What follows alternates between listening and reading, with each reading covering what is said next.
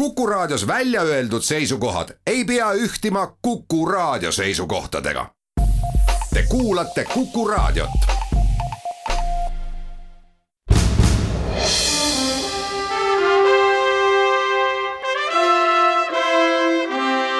vahetund Postimehega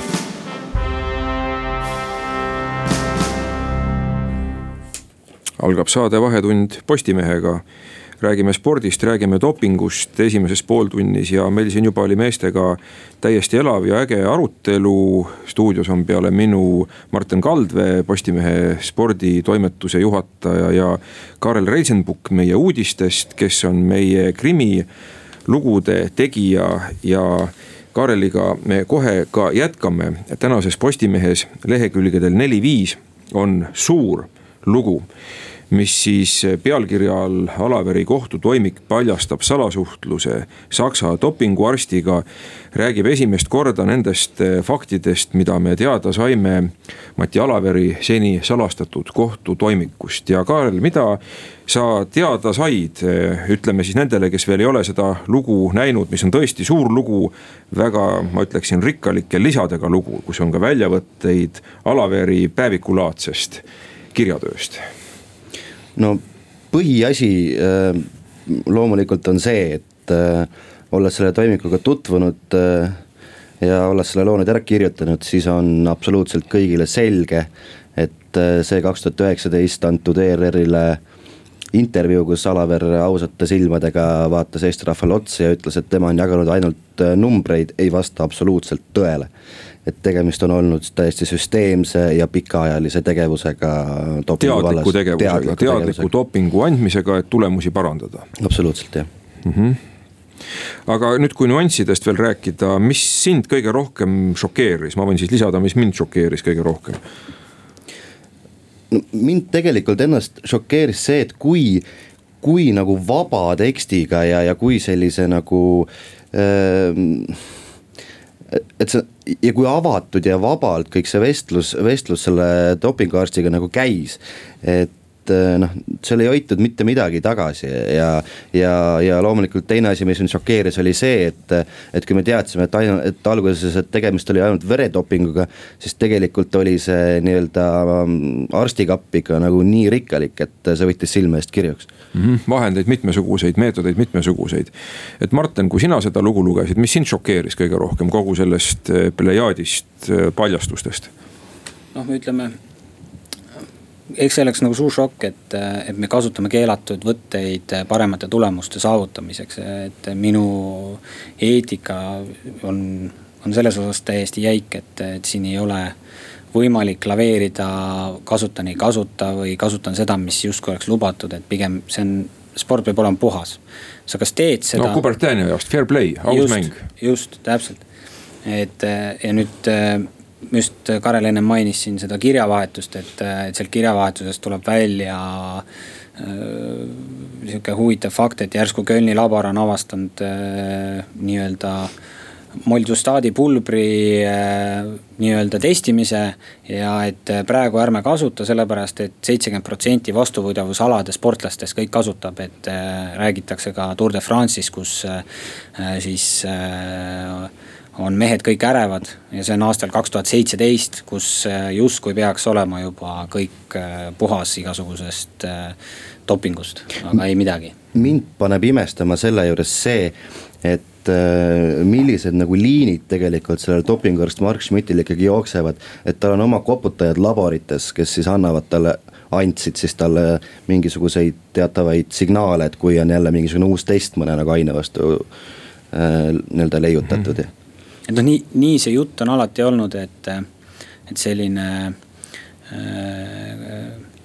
paranoia jälitas siis äh, tihti paljusid spordiringkondasid, et äh, kunagi oli Norras Oslos suur dopingulabor ja norrakad ei jää sellepärast dopinguga vahele, et neil on Oslos dopingulabor ja neil on kõik info ette teada.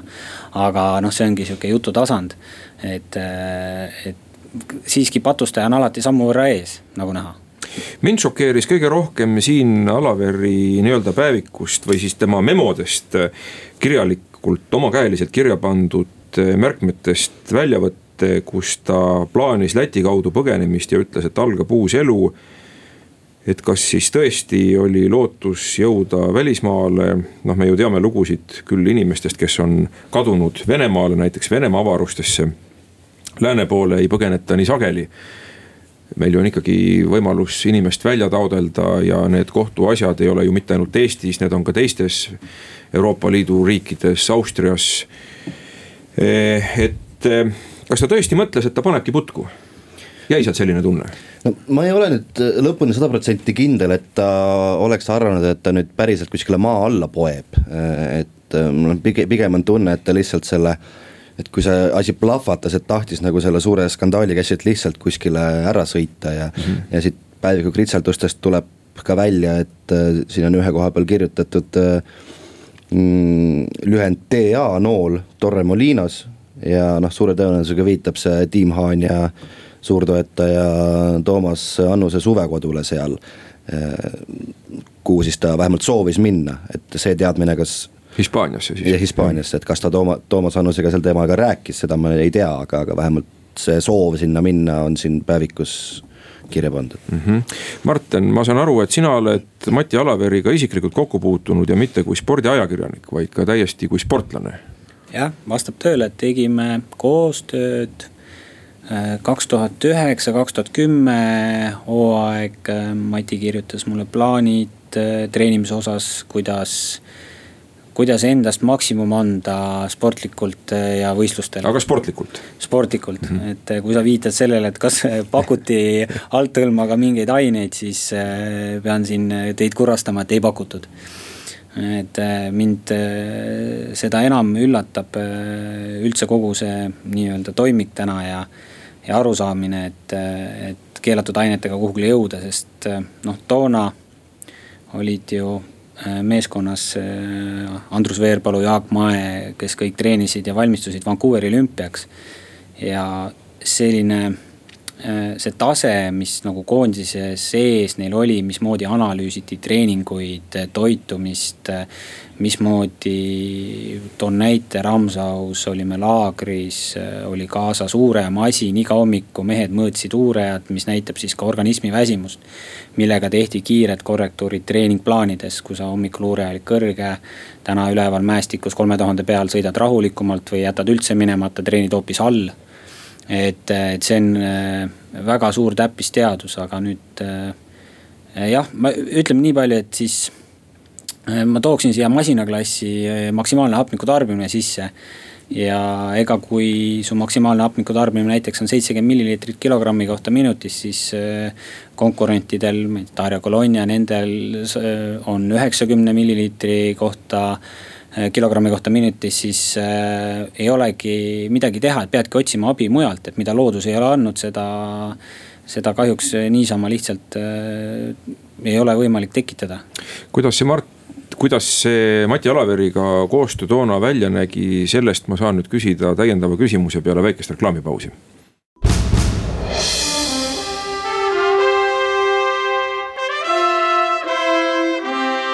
Vahetund Postimehega.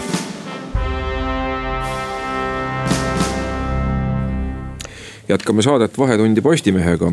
mina olen Postimehe peatoimetaja Mart Raudseer ja minuga koos on siin stuudios arutlemas spordist ja dopingust Postimehe sporditoimetuse juht Martin Kaldvee ja uudistetoimetuse reporter Kaarel Reisenbuk, kes tegi suure kaheleheküljelise loo värskes Postimehes pealkirjaga Alaveri kohtutoimik paljastab salasuhtluse Saksa dopinguarstiga no me oleme sellel teemal nüüd Postimehes värskes numbris avaldanud ka juhtkirja mitte meie nimel, kus me mõistagi taunime dopingu kasutamist ja see kõik on ju hästi kahetsusväärne, kuna, kuna see kõik on tabanud meie, see saaga on tabanud meie kangelasi.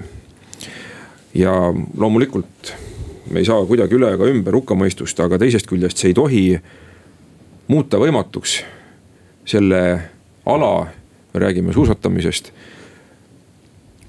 taassündi Eestis. et niivõrd halb maine on tekkinud kogu valdkonnale, et kas üldse on võimalik suusatada ilma dopinguta. ja eelmisel nädalal oli siin eh, Kuku raadio eetris järjejutuna ju Venemaa eh, siis, kuidas öelda, dopinguarsti memuaarid, Venemaa salajane dopinguprogramm, Grigori Rodtšenko oli selle raamatu autor mida siis Kuku raadiost järjejutuna eelmisel nädalal oli võimalik kuulata. Ja kui ma seda kuulasin, siis sealt, tõsi, jutt käib Venemaast, rullus lahti selline süsteemne, süsteemne pettuse võrk, millesse oli segatud ka FSB, ühesõnaga riik, Venemaa riik kõige kõrgemal tasemel. no meil seda õnneks ei ole. aga kuidas nüüd, kuidas nüüd edasi minna? mida, mida me oskame soovitada, kuidas taastada selle valdkonna usaldus? ma ei tea, võib-olla Martin suusatajana oskab, endise suusatajana oskab sellele kõige paremini vastata, et. Ega selles osas äh, kõige parem taastaja suusatamiseks on see, kui meil tuleb korralik talv. ja korralikud talved isegi mitmuses, et, äh, et tänavu loodame, et tuleb ja ega lapsed käivad ikka metsa all suusatamas. ja küll nendest äh, lastest tuleb üks hetk ka mõni andekas, kelle nii-öelda looduslikud võimed võimaldavad tõusta maailmas tippu. Küll meie nii-öelda populatsioon eestlaste näol on küllaltki väikene. Aga me suusatame palju, kui lund on? ja, suusatame palju tõesti, et see traditsioon, seda tappa on noh, ütleme ainuke võimalus, kui talve ei ole. Et äh, pean siin tunnistama, elu esimest korda eelmine talv ei jõudnudki suuskadele. No aga lund ju ei olnud, üks päev no, või kaks päeva, midagi oli. aga näed, siis ka ei jõudnud, et, et tegelikult äh, küll tulevad uued põlvkonnad peale, küll see usk taastub, praegugi on olemas äh, ju siiski koondis, kes tegutseb äh, kindla eesmärgiga anda endast parim võistlustel ja saavutada kõrgeid kohti. noh, iseasi, kui andekad nad on, kui palju nad tööd teevad, kui palju nad pingutavad et, äh, et see keelatud ainete tarvitamine või sinna teele minek, et see, see on see muudab su sportlikus tulemuses väga vähese äh, protsendipunkti võrra noh, nagu seesama Rodtšenko ütles, et ta ei otsusta seda, kellest saab olümpiavõitja kui selline, aga ta otsustab seda, kes mis värvi medali saab. jah, võib ka nii öelda, et äh, erinevaid kirjandust tarbides olen äh, näinud igasugu protsente. kuid ma siiski nagu tahan uskuda puhtasse sporti, et äh, aga kas see on võimalik, kas puhas sport on võimalik, korraks tulen tagasi selle Rodtšenko juurde, kui meie vastas on riiklikult toetatud dopingusüsteem, kus siis suudetakse ka vadapurgid, proovi, dopinguproovipurgid lahti võtta, nii et äh, jääb mulje, et neid ei ole manipuleeritud aga ometi on suudetud võita teised, teiste riikide sportlased, kes on nii-öelda kestsusalade mõistes aeroobsed geeniused, kellel on mm. hapniku tarbimised äh, väga kõrged. kõrge hapniku tarbimine tähendab seda, et sul on vereloometransport äh, organismis äh, väga tugev. mahub hapnikku palju mahub hapnikku palju, lihased saavad tööks vajalikku energiat juurde tänu sellele. Nende nii-öelda kestsusspordil väga oluline, et, et noh, toon, toon lihtsalt näite, et seitsekümmend milliliitrit kilogrammi kohta versus üheksakümmend milliliitrit kilogrammi kohta. kakskümmend viis protsenti circa mm -hmm. rohkem võimekust, et. vahe on sees. jah, et siin on tegelikult noh, sportlased ise peavad ka väga tihti, jätavad selle vahele, et äh, nii-öelda tõega peeglisse vaadata, kas ma üldse olen võimeline kunagi tulevikus võitlema nende kohtade eest või ma taongi seda rauda tuimalt kümme, viisteist, kakskümmend aastat. Lootuses, et äkki üks päev on minu kord, noh, ütleme murdmaasuusatamine selles osas ainult üks ala, kestvus, sul ei ole noh, näiteks kümne võistlus, kümme erinevat ala, kümnel alal on võimalik. mõnel alal oled tugev, mõnel natuke nõrgem. aga siin ei ole midagi teha, sa kas mm. oled tugev või oled nõrk, et. kas okay, mahtu on, kas võimekust on just, või ei no, ole? ja tehnikaliselt, et klassika või, või uisutehnika, et mm, -hmm. et need lõputult, äh, sa võid üliefektiivne olla, aga ikkagi tuleb äh, mõni mitteefektiivne ja võidab ikkagi. aga Kaarel, nüüd, kes sa oled seda lugu uurinud ja lugenud ka Alaveri kohtutoimikut, osa sellest, mis on avalikustatud, mis on sul siin ka väljavõtetena, paljundusmaterjalina kaasas, kas äh, on siin nüüd veel midagi tulemas avalikkuse jaoks lähiaegadel või kuidas see protsess edasi läheb? no keeruline öelda, ma tahaks väga loota, et siis, kui äh, Austrias äh, ja Saksamaal need äh, protsessidel hakkavad äh, tulema ka välja sportlaste tunnistused, sealhulgas ka Andrus Veerpalu tunnistused. et siis teoreetiliselt võiks olla võimalus, et, et ka sellest toimikust avanevad mingisugused uued, uued tunnistused ja uued, uued andmed kasvõi need, mis on tegelikult siin toimikus kõik olemas, need Mark Schmidti enda tunnistused, Mark Schmidti käsilaste tunnistused, need on täna Eesti ajakirjanike jaoks varjatud. aga sellepärast, et protsess seal välismaal alles käib mm. -hmm. aga kas me peaksime nüüd nagu äh, üle vaatama ka selle vahepealse väite, mis oli Andres Veerpalluga seoses, et eh, tema ongi nagu see looduse poolt välja valitud inimene, kelle, kelle noh, veri ongi eriline. Siin ju kunagi meile tippadvokaadid tegid, ma ei taha küll juriidikasse minna, ei soovi siin nagu mingit kohtu case'i kaela, aga et meile ju tehti selgeks, et, et meil ongi tegemist väga eriliste inimestega. noh, siin saan ma ainult oma isiklikku seisukohta, olles seda, seda toimikut lugenud, äh, väljendada. Ähm, kui mu käest küsitakse otse, et kas sa arvad, et, äh, et Andrus Veerpalu oma minevikus oli puhas poiss, siis minu vastus on, et ei arva mm. -hmm. Aga ma tulen selle vere juurde tagasi, et äh, hemoglobiin on üks nagu näitaja, mis siis äh, inimestel varieerub erinevalt. Äh, mina, mul on looduse poolt antud väga kõrge hemoglobiini tase, suusatajatest ma tean Jaak Maed näiteks, kellel on ka väga kõrge hemoglobiini tase, kellel oli eriluba et ta hemoglobiini tase võib olla kõrgem äh, tavapärasest, äh, selle jaoks võetakse seljaluuüdist proov, mis seda tõestab, ühesõnaga see mm -hmm. protsess on päris pikk ja keeruline no,. see on küll hullem kui nüüd koroonaproovi võtmine, see on ikka üks, üksjagu ebamugav. see on ikka väga ebamugav tõenäoliselt, mina seda küll teinud ei ole, et, et ma küll käisin seal piiri peal, aga, aga et noh, ma tänagi võin minna perearsti juurde hemoglobiini või lähen verd andma, mul on sada seitsekümmend see, et noh, tavainimesel äh, naised on saja kahekümne juures, mehed saja neljakümne juures heal päeval, eks, et, et need näitajad on, on väga erinevad ja. Nonii, aga jälgime selle sündmuse arengut edaspidi ja ma tänan teid selle arutelu eest. jätkame peale väikest pausi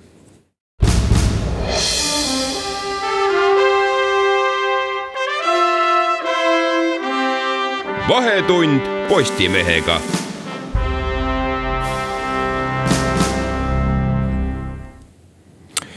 jätkame saadet Vahetund Postimehega, mina olen Postimehe peatoimetaja Mart Raudsaar, teema on nüüd teine. Eelmise pooltunniga võrreldes räägime sellest, kuidas kahanevad Eesti väikelinnad ja mida sellega ette võtta.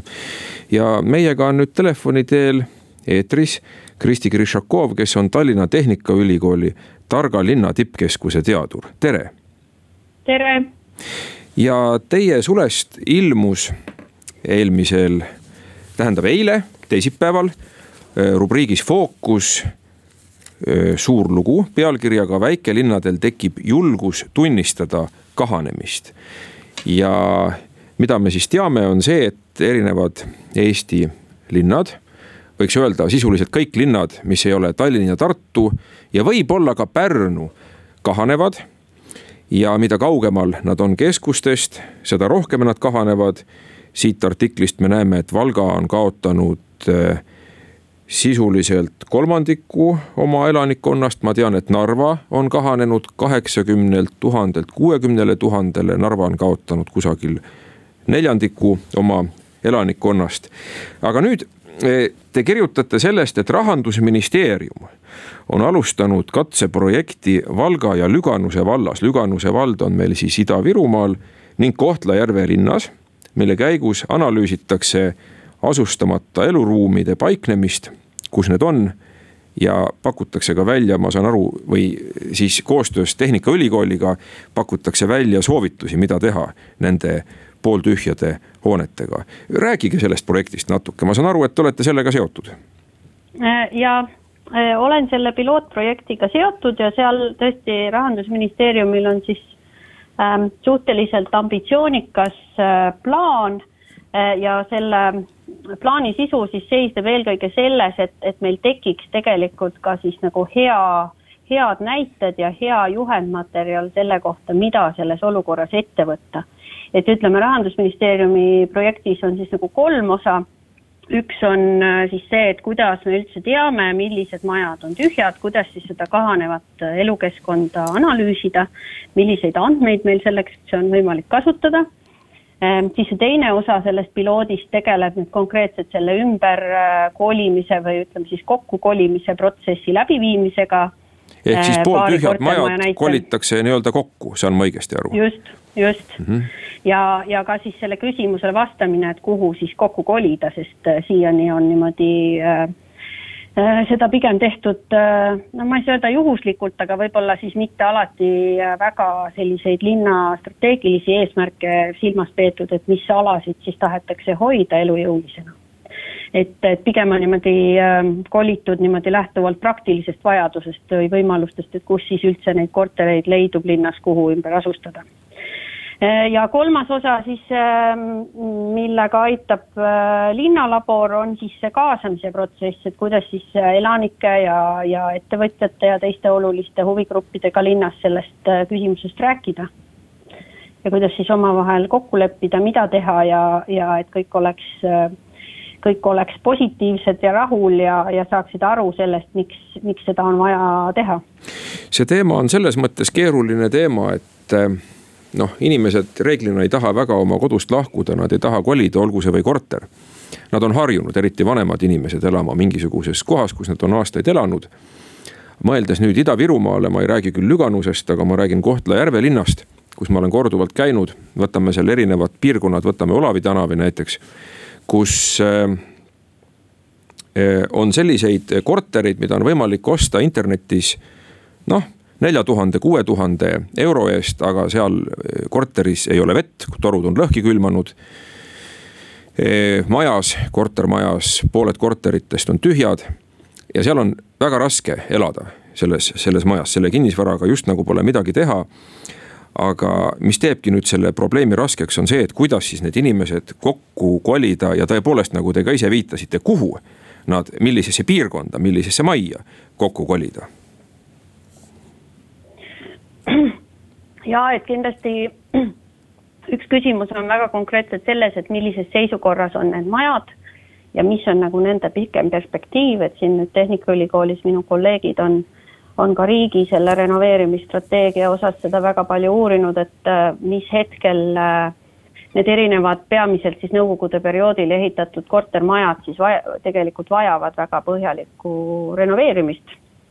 Ja, ja kindlasti, kui need äh, majad on siis pooltühjad või on väga palju kortereid, mis on asustamata, kus keegi püsivalt ei ela, siis ei ole võimalik, et me selle renoveerimisprotsessiga ka kuskile jõuame. ja mhm. tõepoolest on ka siis neid maju, kus, kus ongi kas siis keskküte puudub või, või mingisugused teised põhilised infrastruktuurid on, on puudu ja on tõsi see ka, et inimesed tavaliselt, esimene vastus on alati, et, et ei, ei soovita kolida, sest kes meid tahaks kolida ja, ja äh, väga siis ei suuda, noh, see on nagu üks osa ka sellest projektist, et kuidas siis seletada seda, et miks see vajalik on kuidas panna inimene selle mõttega harjuma, sest näiteks Lüganuse valla kogemused ka näitavad seda, et see tõesti on, ütleme, paariaastane protsess sageli, millal see Ähm, kokkukolimine või ümberkolimine toimub ja inimene tavaliselt siis selle aja jooksul harjub oma mõttega, aga väga oluline, mis siis nagu teiste äh, linnade praktikatest selgub siis välismaal, kes seda väga palju teinud on on ka siis see, et alati peab nagu pakkuma inimesele mingisuguse positiivse väärtuse siis ka juurde, et ta saab aru, et, et mitte ainult, miks see vajalik on ja et mina pean kuskile mujale minema, aga kuidas see minu mm -hmm. elukvaliteeti siis parandab, eks ju, mitte et ta nüüd peaks selle mõttes nagu oluliselt paremasse korterisse kolima, aga, aga kuidas ikkagi see elukvaliteet pikas plaanis äh, Äh, paremaks läheb, mitte see, et, et ma siis nüüd, mina olen nagu see ohver nii-öelda, keda ümber kolitakse, aga minu jaoks nagu ei muutugi midagi väga. aga kui me räägime nüüd Valga linna näitel, et äh, millised on siin soovitused? kui, kui te olete jõudnud ka soovitusteni ja esialgu ma saan aru, te ju kõigepealt kaardistate olukorda no meie kaardistame olukorda ja meie ülesanne oli selles mõttes teha selline juhend, mida saaksid kasutada siis kõik eh, Eesti omavalitsused. ja ma väga oluliseks pean nagu rõhutada seda, et nagu te ka oma sissejuhatuses ütlesite, siis see on ka, see on tõesti kõigi äh, mitte ainult linnade, vaid siis erinevat tüüpi asulate probleem, mis ei ole siis otseselt kasvav pealinna piirkond siis Eestis, eks ju, ja mõned äh, keskused veel. et, et see ei ole, et, et seda ei too hakka selle pilootprojekti näitel kuidagi mingisuguseks Ida-Virumaa probleemiks või Valga mm probleemiks, et või piirialade probleemiks, et ma pean seda väga oluliseks rõhutada, et see on asi, millega kõik kohad peavad nüüd lähiaastatel hakkama tõsiselt tegelema nüüd, e, mis Valgat puudutab, siis Valga on selles mõttes meil selline väga positiivne näide, kes on väga pikalt juba selle küsimusega saanud tegeleda ja, ja ta ongi Eesti mõttes, ma arvan, üks kõige tublimaid omavalitsusi selles osas, et nad on sellega peale pikalt mõelnud, seda olukorda analüüsinud, nad on teinud omal e, erinevad stsenaariumid, kuidas see linnakeskkond võiks kahaneda. E, seda on kõike volikogus siis ka arutatud ja vastu võetud selline strateegiline plaan ja nad on ka väga aktiivselt hakanud siis kesklinna äh, Äh, inimesi äh, kokku kolima, kesklinnas tegema siis erinevaid äh, projekte nagu EV100 hea avalik ruum, mis siis seda kesklinnale natuke uut elu tooks ja neid ärisid sinna tagasi tooks või vähemalt hoiaks neid ärisid seal.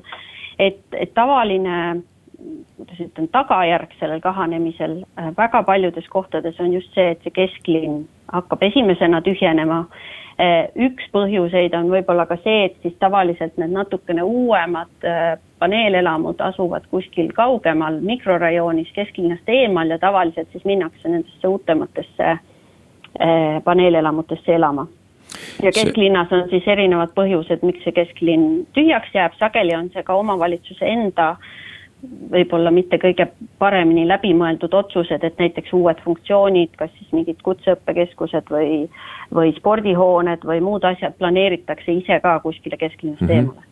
sellest, kuhu siis inimesi võiks ümber kolida Valga linna näitel, me saame rääkida kohe edasi peale väikest reklaamipausi.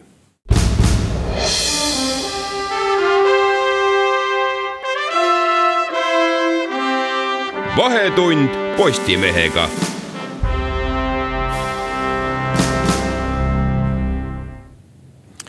jätkame Vahetundi Postimehega, mina olen Postimehe peatoimetaja Mart Raudsaar ja telefoni teel on meiega ühenduses Kristi Krišakov Tallinna Tehnikaülikoolist, kus ta tegutseb targa linna tippkeskuse teadurina. ja me räägime sellest, kuidas kahanevad Eesti väikelinnad ning mida need linnad peaksid teadlikult tegema, et seda kahanemist suunata meelepärases suunas. Enne pausi ma sain aru, et üks selliseid suundi on see, et inimesed ümber kolida linnaservadest pigem linnakeskusesse, tugevdada linnakeskust. nagu ka Valga näitel me seda näha võime. just nii, tavaliselt see keskuse tühjaks jooksmine on üks kõige nähtavamaid probleeme. Äh, aga muidugi neid võimalusi, kuidas, äh, kuidas seda linnakeskkonda kuidas ma ütlen siis, planeerida on erinevaid, et, et on selline kokkukoondamise variant, aga on ka erinevaid variante, kus, kus tekivad pigem mingisugused nagu saarestik, ütleme, niisuguseid elavamaid punkte. linnas kusagil äh, mingisugused asumid sellised? jah, niisugused asumid, mis siis peavad olema omavahel hästi kokku ühendatud. Äh, see nüüd oleneb konkreetselt selle linna kahanemise mustrist et milline see parim variant on, et seda me ka nagu rõhutame, et, et tulekski enne nagu analüüsida, et mis üldse toimub. aga millised need kahanemise mustrid on Eestis linnade või ka valdade puhul? no ütleme niimoodi, et iga, iga linn kahaneb või asula kahaneb tegelikult natuke oma tempoga võivad hoopis erinevad hooned tühjaks jääda, see natukene oleneb ka sellest, et mis vanuses inimesed või mis taustaga inimesed ühes või teises asulas konkreetselt elavad. kui vana see asustus, äh, kuidas ma ütlen, hooned siis üldse on, eks ju, et kas on ainult peamiselt näiteks äh, seal peale teist maailmasõda ehitatud hooned või on ka vanemaid hooneid et ühesõnaga neid variante on erinevaid, aga võib-olla siin see üks põhisõnum sellelt pilootprojektilt on ka see, et mitte hakata kohe esimese asjana kolima mm. -hmm vaid enne saada aru, millistes majades on äh, probleemid. tavaliselt sageli omavalitsused ootavad, et jääb mingi maja kuskil tühjaks. ja siis nad lammutavad selle ära. just, et oodatakse, et ilmuvad välja selles mõttes nagu tondilossid, eks ju, nagu me seda kutsume. aga, aga tegelikult, mis andmed meile näitavad sageli, et on väga palju äh, linnu või asulaid, kus need asustamata korterid on suht ühtlaselt jaotunud kõikidesse majadesse peaaegu. mis tähendab, et sa ei näe probleemi silmaga, aga see probleem on sul olemas, sul on ikkagi tuhanded korterid, mis on asustamata. ja siis see teeb selle just keeruliseks, et kustkohast sa siis pihta hakkad, kuna sa ei näe, et nüüd konkreetselt üks tänav tühjeneb või üks, üks nurk sealt linnast hakkab tühjenema ma olen Valgas palju käinud ja see on muljetavaldav, mida Valga on teinud viimastel aastatel avaliku ruumiga, aga ka nende tühjade hoonete likvideerimisega. aga üks küsimus, mis kindlasti tekib, on ju see, et no milliseks seda linnakeskkonda, eeskätt linnakeskust kujundada ja ma toon nüüd võrdluse ühest ootamatust kohast, Tartust, mis ei ole iseenesest ju kahanev. ta on enam-vähem stabiilne ja ümbruskonnas, ma mõtlen ümbruse valdades, Tartuse ümbruse valdades ka elanikkond siiski kasvab, vaadates kaarti. toimub valglinnastumine aga juba sõjapurustuste ajast me teame, Matteus, Tartu arhitekt jättis Tartu kesklinna tühjaks ja, ja toona räägiti väga palju nendest uutest mikrorajoonidest, nõukogude ajast ma räägin.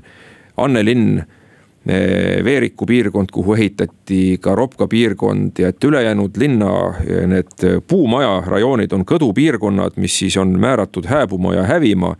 aga tänapäeval me teame hoopiski täiesti renessansi supilinn Karlova väga nõutud elamiskohad, no üle jõe asumil läks küll kehvemini, kuna ta ei olnud nii kompaktselt säilinud, aga. aga ma ei näe küll, et Karlovat või, või supilinna Tartu näitel keegi hakkaks ära lammutama. aga siit tuleb mu küsimus sellest jutust, et eh, kui meil on valida väga heas korras paneelmajad kusagil linna servas, me räägime nüüd mingist maakonnalinnast ja linnakeskus, mis eh, koosneb mitte nii heas korras vanadest puumajadest, võib-olla ka kivimajadest. siis kuidas seda dilemmat lahendada, et nüüd inimesed ära viia sealt hüpoteetiliselt rääkides muidugi. ära kolida strateegiliselt eh, keskele kokku, kus ei, on küll sellised kenad majad, kui nad oleksid korras, aga nad ei ole korras no selle probleemi teeb sageli veel keerulisemaks see, et sageli on need kesklinnas väga paljud hooned või terved alad siis ka muinsuskaitse väärtusega või, või miljööväärtusega, mis mm -hmm. tähendab, et, et ei ole ka võimalik isegi sellist või, või soovituslik sellist teadlikut otsust teha, et need äh, kuidagi tühjaks jätta. ja aga, aga võib-olla siin nagu see oluline küsimus on see, et okei okay,, see hoone on võib-olla praegu heas korras, see suur paneelelamu aga kas see on nüüd kahekümne aasta pärast see koht, kus äh, need elanikud, kes sinna linna jäävad ja kes on ka elus veel kahekümne aasta pärast, kui me rahvastikupüramiidi vaatame mm. -hmm. või ka siis need uued elanikud, keda see omavalitsus tahab meelitada, üldiselt on see reeglina noor pere, selline hüpoteetiline noor pere. et mis on siis nende eelistused tegelikult sellele elukeskkonnale ja siis võib-olla see paneelelamu küsimus muutubki natuke problemaatiliseks, sest eriti kui sul on suured paneelelamud, mis on seal sada ja rohkem korterit, siis nende renoveerimine on juba keeruline, sest sa pead saama ühistuga, eks ju, kokkuleppele ja teiseks ka see ruumiprogramm ja need võimalused seal majas, et tavaliselt siis mingi aja pärast ikkagi inimesed hakkavad eelistama pigem natukene vanemaid äh, hooneid, eks ju, natuke väiksemaid, noh, üks suur vaidluskoht on ka igasugused stalinistlikud hooned, eks ju.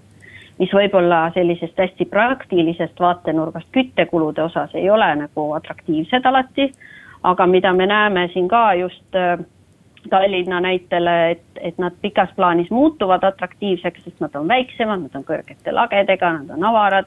et nad on jälle võib-olla siis selle uue põlvkonna jaoks äh, palju äh, äh, atraktiivsem elukoht. no Sillamäe Aga... keskusest ju räägitakse kui muinsusväärtusega piirkonnast. just ja väga palju on ka just väiksemaid, me vaatame stalinistlikke hooneid, mis on siis ümber ehitatud ühe pere elamuteks Äh, mis olid varem siis mitme pere elamud. nii et selliseid nagu ümberehitamise või kohandamise praktikaid on, on ka väga palju ja mida nüüd siis on teinud teised linnad selles samas olukorras, nad on ka neid paneelelamuid hakanud ümber ehitama. mida Eestis võib-olla meil selliseid näiteid ja ja ka kulude osas näiteid on nagu vähe, aga mis seal tehtud on, ongi see, et on mitte ainult fassaadi vahetatud, aga korruseid väiksemaks võetud ja ruumiprogrammi ümber tehtud.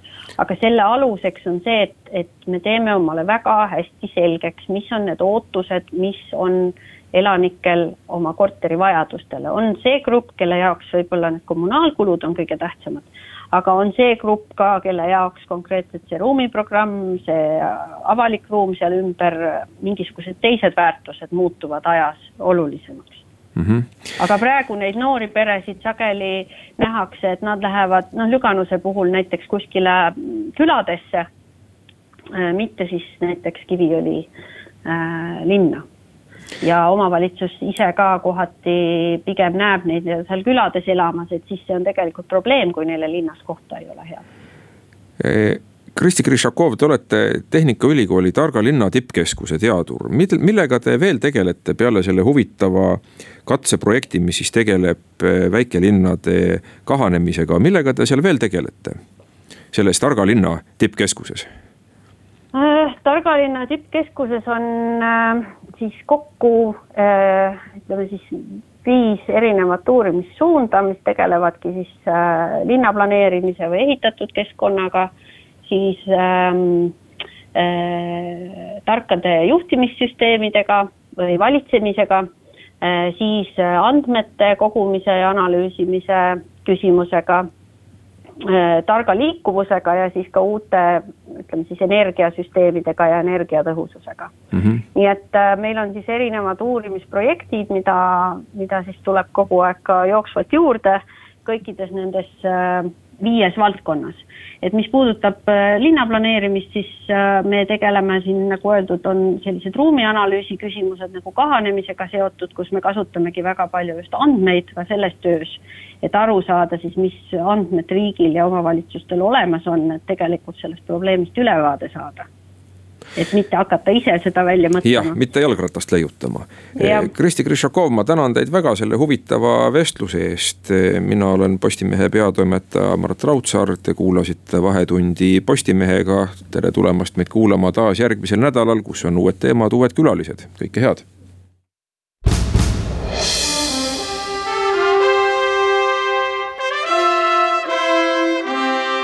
vahetund Postimehega